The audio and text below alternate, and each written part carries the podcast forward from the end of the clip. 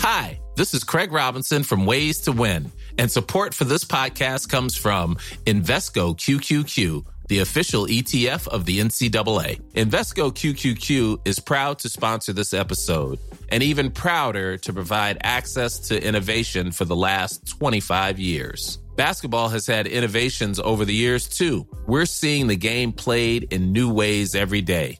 Learn more at Invesco.com slash QQQ. Let's rethink possibility. Investco Distributors, Inc. Ryan Reynolds here from Mint Mobile.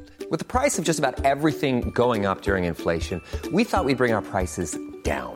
So to help us, we brought in a reverse auctioneer, which is apparently a thing. Mint Mobile unlimited premium wireless. Ready to get 30, 30, bit to get 30, bit to get 20, 20, 20, bit to get 20, 20, bit to get 15, 15, 15, 15 just 15 bucks a month. So, Give it a try at mintmobile.com slash switch. $45 upfront for three months plus taxes and fees. Promo rate for new customers for limited time. Unlimited more than 40 gigabytes per month. Slows. Full terms at mintmobile.com.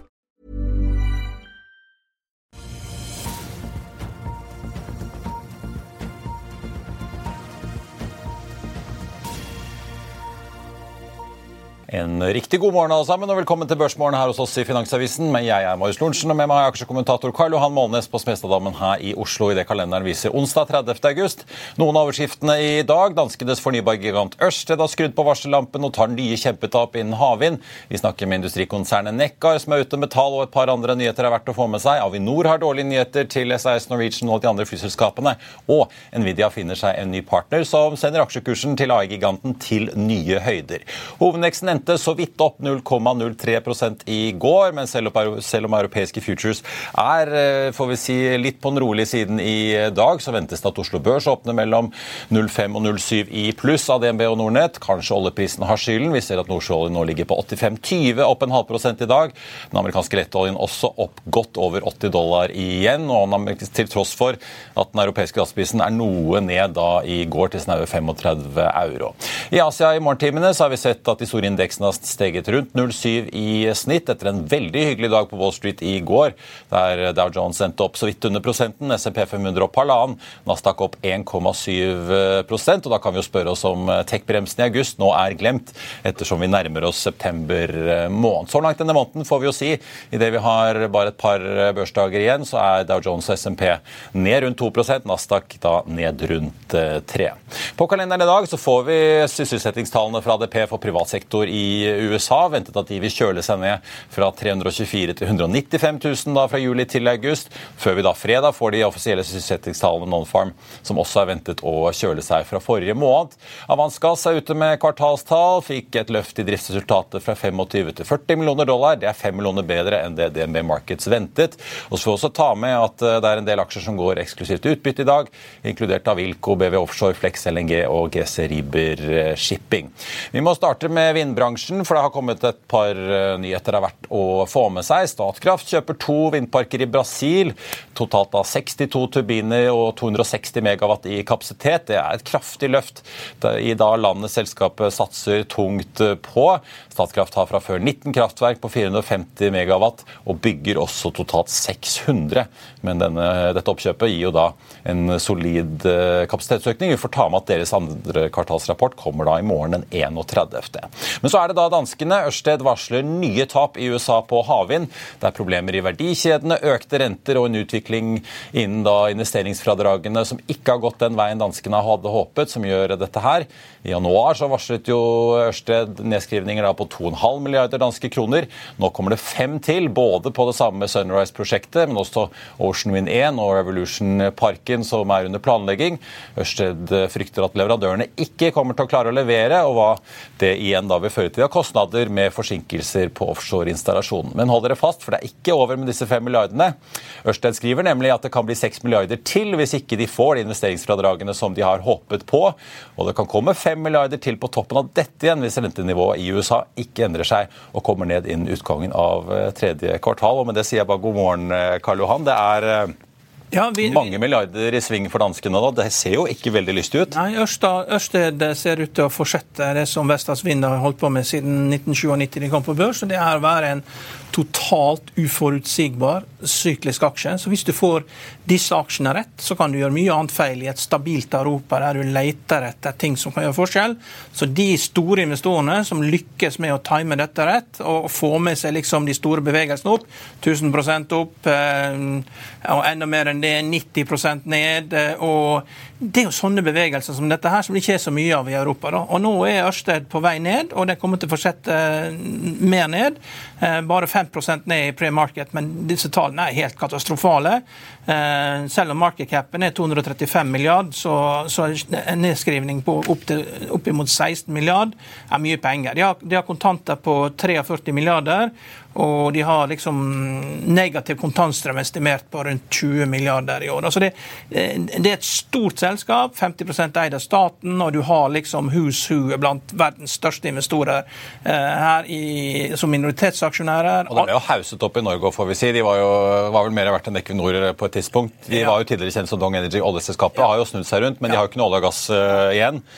Men uh, ting har jo virkelig snudd, så det er jo ikke de fantastiske talene tallene som mange snakket Nei. om at uh, hvorfor gjør ikke Equinor det samme som uh, Ørsted gjør? Nei, men her er det klart, her er det, her er det liksom Blir du truffet fra alle sider. ikke sant? Det er jo eh, problemer med leverandører, det er problemer med tax credits, og, og, rentene går opp. Så det blir truffet fra alle sider. Det er bare én analytiker som har salgsanbefaling, og det er Helene Kvilhaug Brøndbo. Brøndbo i ja. Markets. Hun har kursmål 474, og alle andre har kjøpsanbefalinger. Så, og, du skulle hørt på Helene i DNB Markets, med andre ord? Ja, ja, ja. Du har diskutert med ja, ja, altså, Hun skulle ha flere salgsanbefalinger. Hun skulle blitt analytiker of the year. Ja, ja. Så det, er, det er mulig hun får et kakestykke nede i ja, ja, det, i dag. Altså. Det, det fortjener hun. fordi gå imot dette her. Salg på Ørsted, salg på, eh, skal på Skattek, innertiere. Så hun har forstått at eh, hvis hun bare nå tar dette her helt ut og, og fortsetter å kjøre litt flere salgsanbefalinger, så blir det enda flere rette på henne. Ja. Jeg, merker meg jo at uh, De har jo da ikke olje og gass å lene seg på, som Equinor og en del av disse andre energiselskapene har. så De går jo glipp av den, de gode prisene som er uh, for tiden. Men de sier jo altså, nå skal de jo de sier at de fortsatt planlegger å sanksjonere disse tre prosjektene da rundt før eller etter nyttår en eller annen gang. Men de skriver jo at de regner jo ikke med at prosjektene vil innfri avkastningskravene deres gjennom levetiden, men fortsatt uh, halvannen til tre prosentpoeng over Vakken, altså gjennomsnittlig kapitalkost på disse prosjektene. Men hvis rentene stiger eller kapitalkosten øker mer, så kan jo det ikke gå den veien likevel. Nei, men Du, du kan ikke fortsette med dette tempoet her så veldig lenge før at du får litt det som Everfuel har gjort i dag tidlig, da, og sette seg ned at eh, her må man kanskje ha en litt strategisk eh, evaluering. Og vi hadde jo Kadele... Ja, for det er hydrogenselskapet, vi får ja, ta den, da, ja, som uh, ja. vrir litt på strategien. Ja. satser satse tyngre på produksjon av grønt hydrogen, mindre på disse fyllestasjonene. I hvert fall for lettere kjøretøy. Ja. Kadler var jo inne her i går, CEO. Det er jo et, eh, det er jo et selskap som dansk CEO og børsnotert her i Oslo.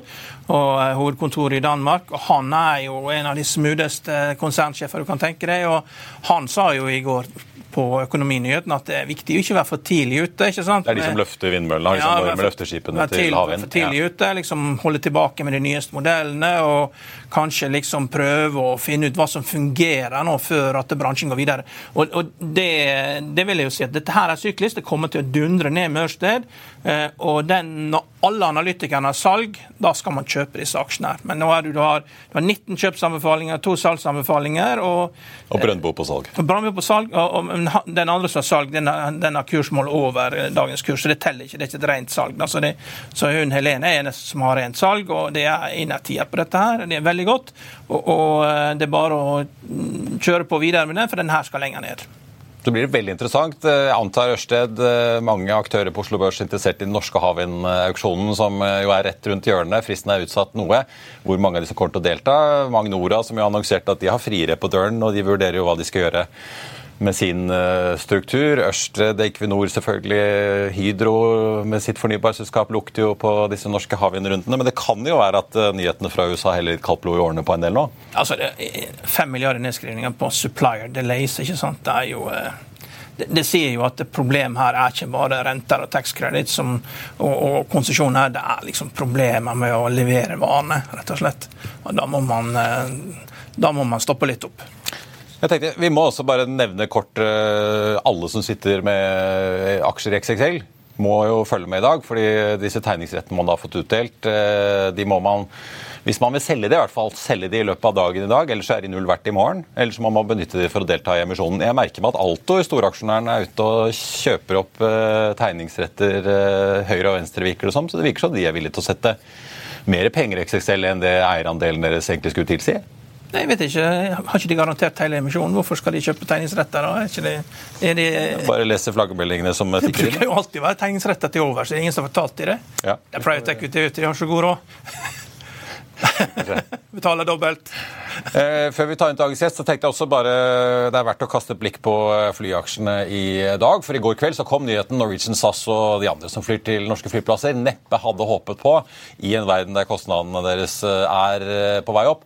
Avinor varsler nemlig at de kommer til å jekke opp avgiftene sine. Trafikken viser de ferske tallene deres opp 16,5% i første halvår i år mot fjoråret, men fortsatt 11% bak normalåret 2019. Konsernsjef Abraham Foss sier de er fornøyd med driften i sommer, men han sier at Avinors økonomi i betydelig grad påvirkes av at man ikke er tilbake på full trafikk. Antall forretningsreisende ligger fortsatt bak eh, det man har vært vant med, og Avinor skyver nå på prognosene sine om at den samlede trafikken vil være tilbake for fullt rundt 2024-2025, med tre år, altså frem til 2027-2028. Titter vi på regnskapene for første halvår, så økte omsetningen med en snau milliard til 5,5. EBITDA-en deres, altså bruttodrift, økte fra en snau milliard til 1,4. Men vi ser at de store finanskostnadene trekker ned bunnlinjen til Avinor, som nå altså gikk med et underskudd på 187 millioner i første halvår.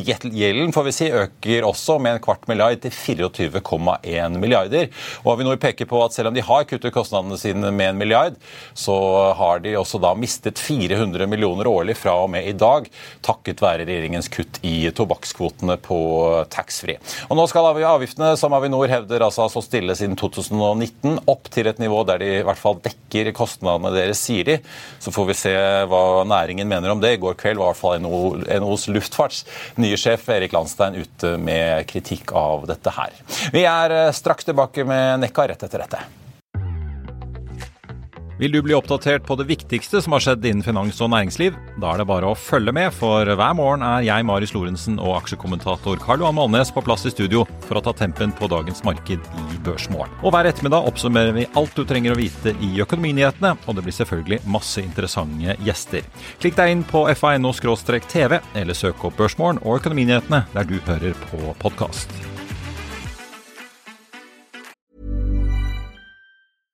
This is Paige, the co-host of Giggly Squad, and I want to tell you about a company that I've been loving, Olive and June. Olive and June gives you everything that you need for a salon quality manicure in one box. And if you break it down, it really comes out to $2 a manicure, which is absolutely insane. It's also so easy to get salon worthy nails at home with Olive and June. The difference between how your nails used to look when you did them yourself and now with the Manny system is a complete game changer. The best thing about Olive and June too is it's a quick dry, dries in about one minute, lasts for five days, and full coverage in up to one to two coats. Visit oliveandjune.com slash perfectmanny20 for 20% off your first system. That's oliveandjune.com slash perfectmanny20 for 20% off your first system. I'll see you in court. Vi sier det ofte litt på spøk, men for deg som driver business, er det aldri moro å innse at du ikke har laget en 100% gyldig kontrakt. Du bør ikke risikere hele firmaet ditt fordi du synes dette med kontrakter er litt stress. En avtale er ikke en avtale. Du kan miste kunder, miste venner, ja, til og med miste inntekter om du ikke lager en skikkelig kontrakt, på alt mulig, egentlig. Men vi vet det er et styr, kopimaskiner, tregprinter og haugevis av papir. Dessuten stoler vi jo på folk her i landet. Det er ofte litt kleint å skulle be om en signatur for alt mulig, ja, for mye av styret handler også om jakten på underskriften. Det finnes en enkel måte å løse dette på, Dukkobit, en trygg, effektiv og get this, gratis måte å sikre seg en god natts søvn pluss en juridisk bindende avtale. Dukkobit-appen har de strengeste sikkerhetskrav i bunn, samt en EU-godkjent og sertifisert teknologi. Framover vil det bli behagelig å spørre du, skal vi skrive under på det, eller? Kom i gang på dukkobit.no.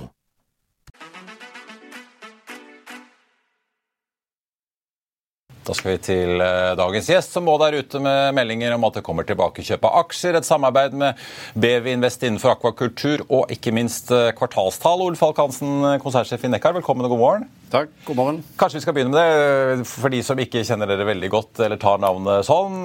Tidligere kjent som TTS Group. Jeg kalte dere et industrikonsern. Leverer alt fra kraner til havvindservicefartøy, og dere er da innenfor si, oppdrett og sjømat også. Hvem er Nekkar? Ja, altså vi, vi, er da et, et teknologikonsern innenfor havbaserte industrier og bransjer. Så det vi gjør, eh, og selskapene som vi eier, har da ja, en grad av høy teknologi, eh, automasjon og software eh, inn mot havbaserte bransjer. Og Så kan jo det da være Eh, oppdrett, som vi eh, sa noe mer rundt i dag, eller eh, skipsheiser til skipsverft rundt om i, i, verden. Så vi er ganske sånn spredt, og eier i dag tre-fire selskaper, og har også et par teknologiprosjekter.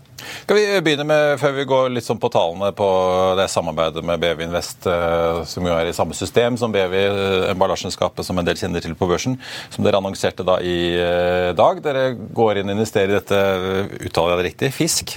Riktig. Ja. Stavet med FICK, ja. som leverer løsninger for lukkede altså oppdrettsanlegg, kan jeg ja. kalle det? Riktig.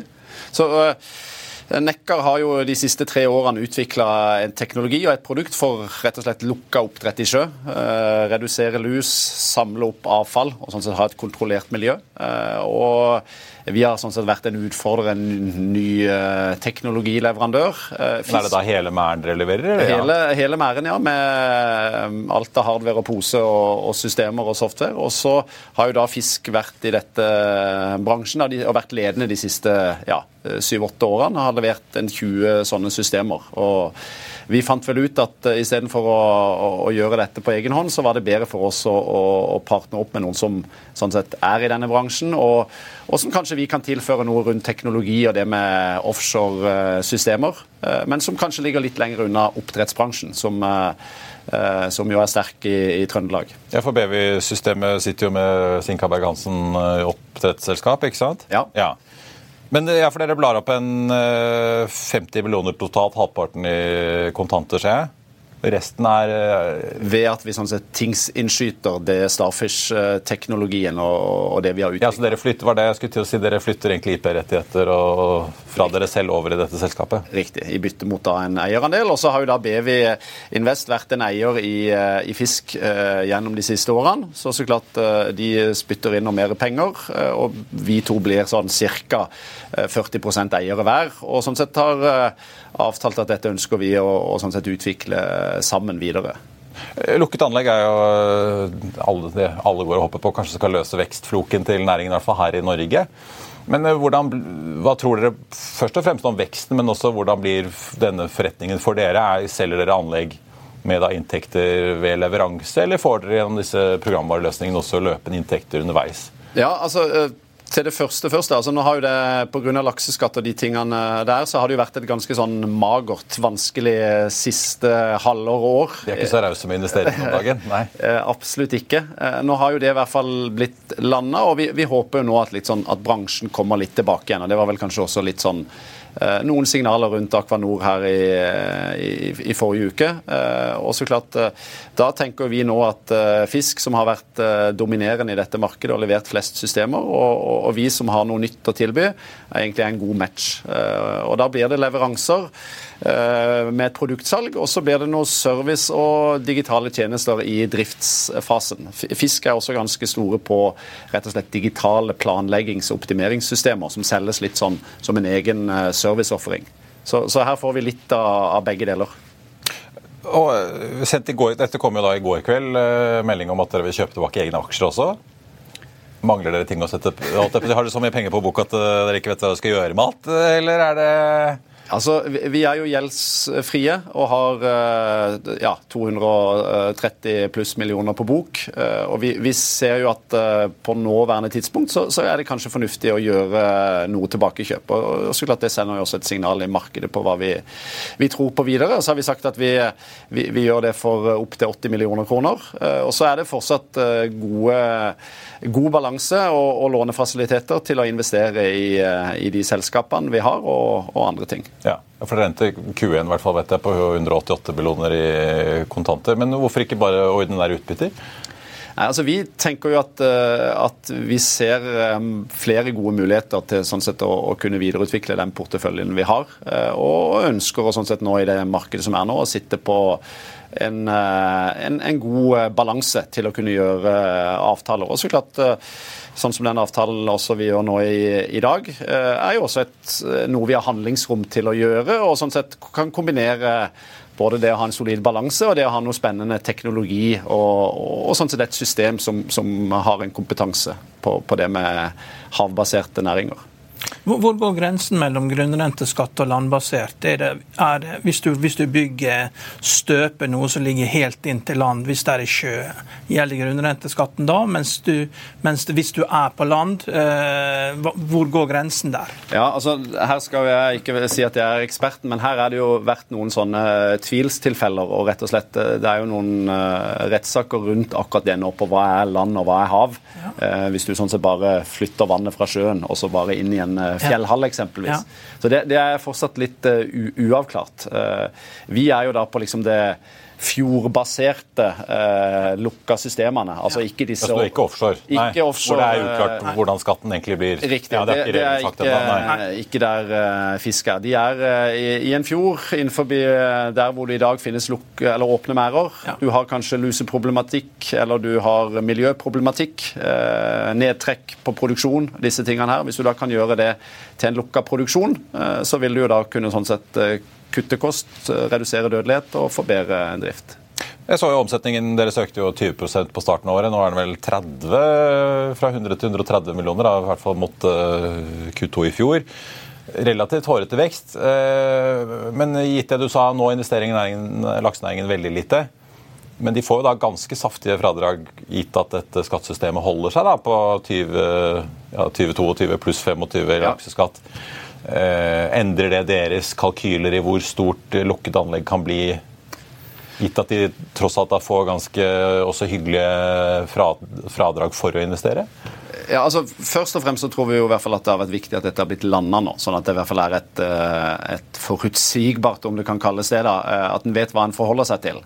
Så vi tror jo at sånn sett med et investeringsfradrag så er det mulig å få liksom nye leveranser og nye prosjekter her eh, når vi sånn sett eh, nærmer oss eh, jul og inn i neste år. Så Det har jo vært veldig tørt for både fisk og for oss det siste året, og egentlig for alle i bransjen, som, som kjent. Men litt, litt bedre signaler nå, kanskje.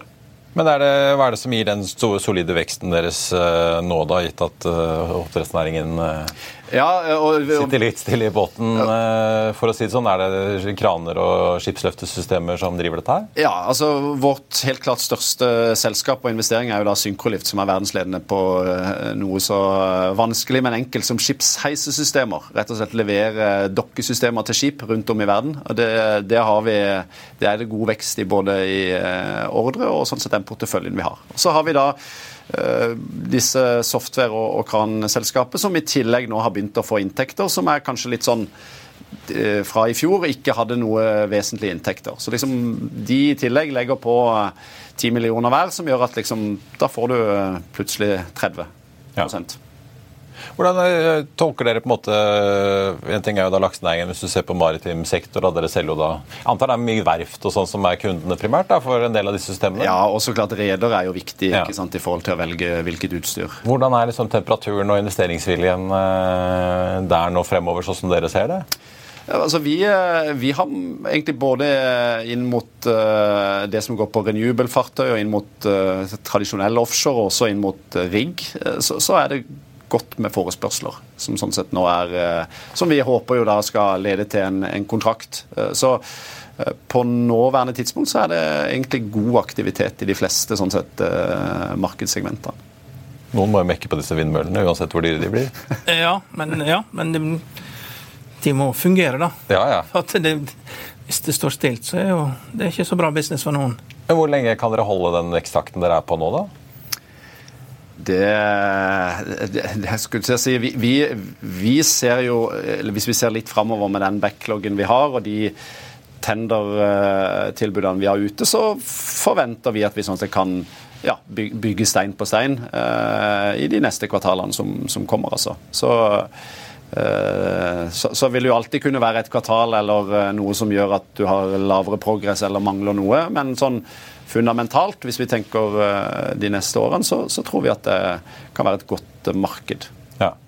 Til slutt er det noen, eh, Dere har jo en ganske bred struktur eh, i konsernet, da, men er det noen spesielle områder hvor dere har gitt at nå har dere åpenbart har lagt noen penger på bordet for å styrke dere enda mer innen lukket oppdrettsanlegg? Er det noen segmenter, enten det eller andre, som dere vurderer å gjøre oppkjøp på, eller vil liksom styrke dere strukturelt? Ja, altså, vi, vi, sa jo også i dag at vi, sånn sett, vi ser jo aktivt etter uh, muligheter innenfor de segmentene vi har. Da tror jeg liksom det er i det er gjerne i skjæringspunktet hvor den offshorekompetansen vi har, og det å kunne digitalisere og automatisere ting ute i havet, sånn sett, den kompetansen kan vi bruke inn i disse, i disse selskapene. Eh, og så klart Der er det eh, mange selskaper som, eh, som, kan være aktuelle. Og så klart Vi har en balanse som gjør at vi, vi, kan kjøpe både selskaper som driver godt, og vi kan kjøpe selskaper som vi kan være med og prøve å, å, å snu rundt på.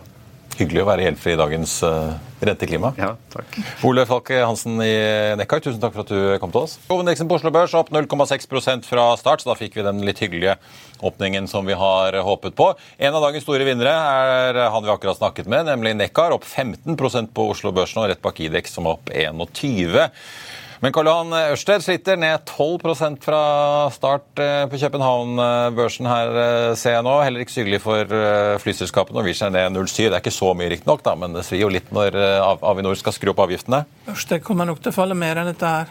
Ja. ja. Det, er, det, kan vel i hvert fall kanskje hinte om at det blir ikke så veldig mange nye havvindprosjekter fra Equinor med det første, heller gitt den situasjonen næringen er i. Vi får se. Ja. Skal vi snakke litt om uh, Nvidia? for de slapp jo Dere hadde jo hva skal vi si, nesten sånn der traktor- og AI-seminar her ja, ja, i går, uh, hørte jeg med Hobberg-fonden og snakket om uh, Nei, det... smarte traktorer med John Deere og greier. Men dere snakket også om Nvidia. Som jo ikke fikk seg det kursløftet mange kanskje hadde håpet og trodd eh, da vi så de eh, helt ville kvartalstallene med den voldsomme veksten. Men i går kom det plutselig et kurshopp. Ja, han eh, Jensen Wang har ikke fått med seg at de to mest intense ferieukene i USA er de to siste ukene av august. da. Og, og det er Spesielt denne uka er ferie, så er det Labor Day nå på mandag. og han kom jo med tall, da. Eh, veldig spesielt å komme nest siste uka i august. og Dagen før så kom han jo og presenterte samarbeid med VMware, da, som er jo et software-selskap, om eh, private AI. Da. og Det er jo et, det var jo et svakhetstegn at du må lansere sånne avtaler, men tallene var jo kanonbra. Eh, og så mm, lanserer de samarbeid med, med eh, Alphabet og, eh, ja, Google, og Google. Går, ja. Google ja. Og, og, det var jo også, Sjefen for Google Cloud var jo på det var langt intervju med han på CNBC i går, og det er jo helt tydelig at det, det de prøver å gjøre da, er, retter seg kanskje litt imot det som Jeremiassen fra Holberg uttrykt som største frykten, det er at eh, man skal få sanksjoner da, eh, mot selskapet, mot at de ikke skal få lov til å selge i Kina. Da, og, som er en av deres, om ikke det største markedet, i hvert fall et stort marked? Da. Ja, de, selger, de, selger, mellom 20 og 25 ja. det er målet. Og det har hatt det før. Og ved da å lime seg til VMware og fortelle hvor sterk man er til, til Google Cloud, så forteller man jo hvor amerikansk man er. fordi at Google Cloud er ikke, De, de to største cloud-selskapene det er jo Amazons eh, AWS og eh, Microsofts Azure. Det er de desidert største. Det er Seattle-selskapene. Og så har du da um, Google Alphabet. Cloud og, og, og Oracle um, Alphabet, som San Francisco-selskapet, som har hengt litt etter. Da. Så det hjelper å være i samme by liksom du skal finne ut at det nå går bra. Så, men det, det, er klart det er positivt for Nvidia. Aksjen var vel opp 4-5 i går på dette her. og ja, de det er voldsomt trøkk. Men er det Gitt den litt sånn lavere responsen, da, som tross alt kom på veldig gode tall, da kan man jo få et inntrykk av at folk kanskje tenker at jo, dette er kjempebra, men nå begynner det å bli veldig høy prising. Dere diskuterte jo prisingen litt her i går, som jo er veldig avhengig av hva man legger i, i teller og nevner i den, i den eh, brøken. Men likevel er det litt bekvemt for Nvidia å komme ut med dette nye samarbeidet og slå litt på stortrommen når responsen i aksjemarkedet på de helt ville tallene var så laber? Du, du, ser jo at det er jo en del folk som har fått fram kalkulatoren og ser at uh, rentene er veldig høye. ikke sant? Begynner å bli høye og truer med å gå uh, høyere. Jeg vet ikke om renten bryter gjennom og går noe høyere, men uh, hvis aksjemarkedet går opp, oljeprisen går opp, det var noen veldig bra lagersalg, oljeprisen opp nye 2% så må jo du stramme inn, ikke sant? og, og, og da stiger den risikofrie renten. og og Vi ser jo hva selskapene må betale for å låne i markedene. Der er alternativer i rentemarkedet Eh, som er veldig gode i forhold til å kjøpe aksjer til P20. Så risikopremien er i ferd med å bli borte, og det er jo et tegn på at det er for mye likviditet der ute, rett og slett. Eh, fortsatt. Og, og en av grunnene til for mye likviditet er jo at folk sett, har altfor høye verdier på private equity-holdingene sine, som ikke har blitt markert ned. Da. Og Der ligger jo det et stort skjult tap, da, som ingen har helt tar inn over seg. Ja, Når du snakker med folk som har private equity, sier de får ikke solgt dette her. Eh, det er jo ikke bra. Så kan man jo si det at eh, ja, det, du er bundet til fem til sju år. Men det er ikke alltid, alltid du bundet. Eh, det er situasjoner du Dette største fondet, Breit-fondet, som BlackRock Folk kommer jo seg ikke ut. Og det er altfor mye penger til å bønne opp. Og jeg, tror de fleste som sitter i dette her, kan også inkludere Argentum. altså Du må jo likvidere dette her. fordi at du, Det er jo ikke sånn at du kan ha sånn fantastisk god avkastning eh, når alt annet går ned, eh, når du i tillegg da har tatt på deg mer gjeld enn andre. Skriver jo litt om det i dagens uh, aksjekommentarer. Så Tyngdeloven gjelder for private equity også. Når renten går opp med 5% så, så trekker det ned verdien der også. og Det må de markere. Eh, følge med. Det er jo uh, Ja. Folk tror jeg er rikere enn de er på pensjonene. og eh, Når du begynner å ta markedsverdijusteringer for kanskje opptil 40% av porteføljen som ligger i alternative investment, så får du litt sånn plutselig våkner du i dag, så får du den Ørsted-effekten at du må begynne å nedjustere. Ja. Skal vi se om Mikrofonen min døde, skal vi se om vi får liv, liv i den igjen. Uh, ja. Nei, vi får, uh, vi får se. Det er uh men, men, at Nvidia, Nvidia, er jo alltid aktive. Det er jo Jensen Wang er populær. Men jo, Det var det jeg skulle til å si. Eh, Lisa Su i AMD de kommer jo med en brikke de mot slutten av året. så Det... Ja. Men det var et annet eh... Da får vi vel testet hvor det var et annet halvlederselskap som kom med tall i går. da, så var Aksjen var ned med 15 Jeg husker ikke navnet på det. AM et eller annet. så det er klart Mange små halvlederselskaper som ikke har like god teknologi som Nvidia, lider av dette. Men de er så små at det betyr jo ikke noe, fordi at eh, market capen i sum av de er jo ikke like stort som uh, Nvidia. Nei, og som du påpekte, litt fall i Nvidia er jo hele markedsverdien til Intel plutselig. Ja. Så det er jo størrelser, og de har jo vært veldig enerådende. Vi får testet hvor enerådene de blir da, når AMD kommer på eh, banen. Ja. ja. Så får vi se. Apple annonserte at de skal ha lanseringsevent 12.9., så vi får se om det er en ny 15. iPhone for deg å kjøpe. Nei, det, det skifter ikke ut så fort. Det klarer vi med den jeg har. ikke noen ny iPhone uh, på deg etter 12.9.? Nei, det det er ikke så lett å Vi får se om det blir kalt Max, Ultra, nei, nei, nei. Pro. Men skal du bestille ny? Er det sånn. Har du automatisk... Jeg er veldig fornøyd med den jeg kjøpte i fjor. Har du abonnerer du? Sånn at hver gang det er ny, så abonnerer du? Kommer det ny? Nei. Du må slite det litt ut. Men det ser jeg, batteriene begynner jo, det er jo de som begynner å slite. Så det er jo, og De telefonene koster jo så mye at uh, det begynner jo snart å lønne seg å bare bytte batteriet. Nå er jo, For de holder jo faktisk lenger og lenger, disse telefonene, egentlig. Rosa er jo årets farge. Jeg ser mye rosa da, etter den Barbie-filmen. Så Hvis det kommer med rosa telefon, blir det fristende? Eh, mulig datteren min, hvis du hadde visst den, hadde blitt veldig gira. Så vi får se hva det blir til jul. Ja. Men fra spøk til alvor, vi må ta med noen uh, aksjenyheter på uh, tampen òg, uh, mens Ørsted sliter nå nesten ned 14% på København-børsen. En sur dag for danskenes fornybarkjempe. BVLPG, som kom med tall i går, har analytikerne regnet litt på. ABG nedgraderer nå fra kjøp til hold, nedjusterer kursmålet litt grann, fra 144 til 140. Aksjen endte i går på 127. 40 får vi si, litt ned i dag, da nesten 3% Pareto de skrur opp sitt kursmål fra 123 til 149, gjentar sin kjøpsanbefaling, så litt sprik i laget der, altså, etter talene fra gassfraktrederiet i går. TGS har mottatt varsel om tildeling av flere prosjekter i Mexicogolfen. DNB nedjusterer kursmålet der fra 200 til 170, en eh, aksje som i hvert fall litt avhengig av timingen din har vært veldig hyggelig å være i. Litt flere analyser som eh, vi kan ta med på slutten. da, Har regnet på NRC Group, oppgraderer fra hold til kjøp da etter kvartalsrapporten. Løfter kursmålet fra 11,50 til 16,50. Aksjen steg da 9 i går og endte på 11,80. Og så er det Rana Grublad. Sparebank Markets nedjusterer kursmålet med en femkroning til 65. Gjentar kjøpsanbefalingen. Aksjen ble sist omsatt da i går for 58 da etter kvartalsrapporten der. Så får vi også ta med Waste Plastic Upcycling melder at eh, de har hatt en eh, vellykket testsyklus da på sin fjerde reaktor i Danmark og har startet produksjonen eh, på en ny reaktorlinje. og Testfasen på linje 5 og 6 skal etter planen starte da snart. Vi vil også ta med at nestsjefen i selskapet, Lotte Rosenberg, har bestemt seg for å slutte. Ellers så er da hovedindeksen opp en halv prosent nå. Oljeprisen opp omtrent det samme til 85,20. Og vi ser da at Equinor og Aker BP begge får seg pene løft på toppen av omsetningslistene. PGS er opp 3,6 som tredje mest omsatt. Etter det kommer DNB og faktisk BV LPG, som også da er eh, høyt oppe på omsetningslistene i dag. Nekkar ser ut til å bli en av de virkelig store vinnerne i dag etter kvartalsrapporten og nyheter om både tilbakekjøp av aksjer og samarbeid med BV Invest eh, på lukket, eh, løsninger for lukkede oppdrettsanlegg. Den aksjen er opp nå 18,2% Ellers så tenkte jeg, i og med at Ørsted såpass mye ned, så slo jeg opp de to havvindserviceselskapene vi har på Oslo Børs, Integrated Wind Solution og Edda Vind. Begge ligger omtrent rundt null, så vi får se om det blir noe utslag eh, der utover eh, dagen. Norwegian og SAS eh, ligger svakt ned foreløpig. Nyheten da fra Avinor kom i går kveld om at de kommer til å jekke opp avgiftene pga. krevende økonomi hos flyplasseieren som er eid av den norske staten. Og Det var børsmålen for denne onsdag 30. august. Husk å få med deg økonominyhetene klokken 14.30. Da får vi med oss sjefen i inkassoselskapet Kredinor, Klaus Anders Nysten, som både skal fortelle om de nye tallene de er ute med, og hvordan konjunkturene der ute i de skandinaviske økonomiene egentlig ser ut.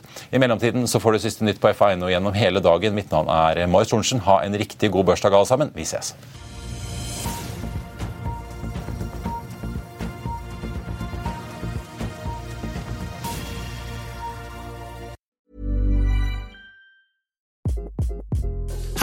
This is Craig Robinson from Ways to Win, and support for this podcast comes from Invesco QQQ, the official ETF of the NCAA. Invesco QQQ is proud to sponsor this episode and even prouder to provide access to innovation for the last 25 years. Basketball has had innovations over the years too. We're seeing the game played in new ways every day. Learn more at Invesco.com slash QQQ. Let's rethink possibility. Investco Distributors, Inc.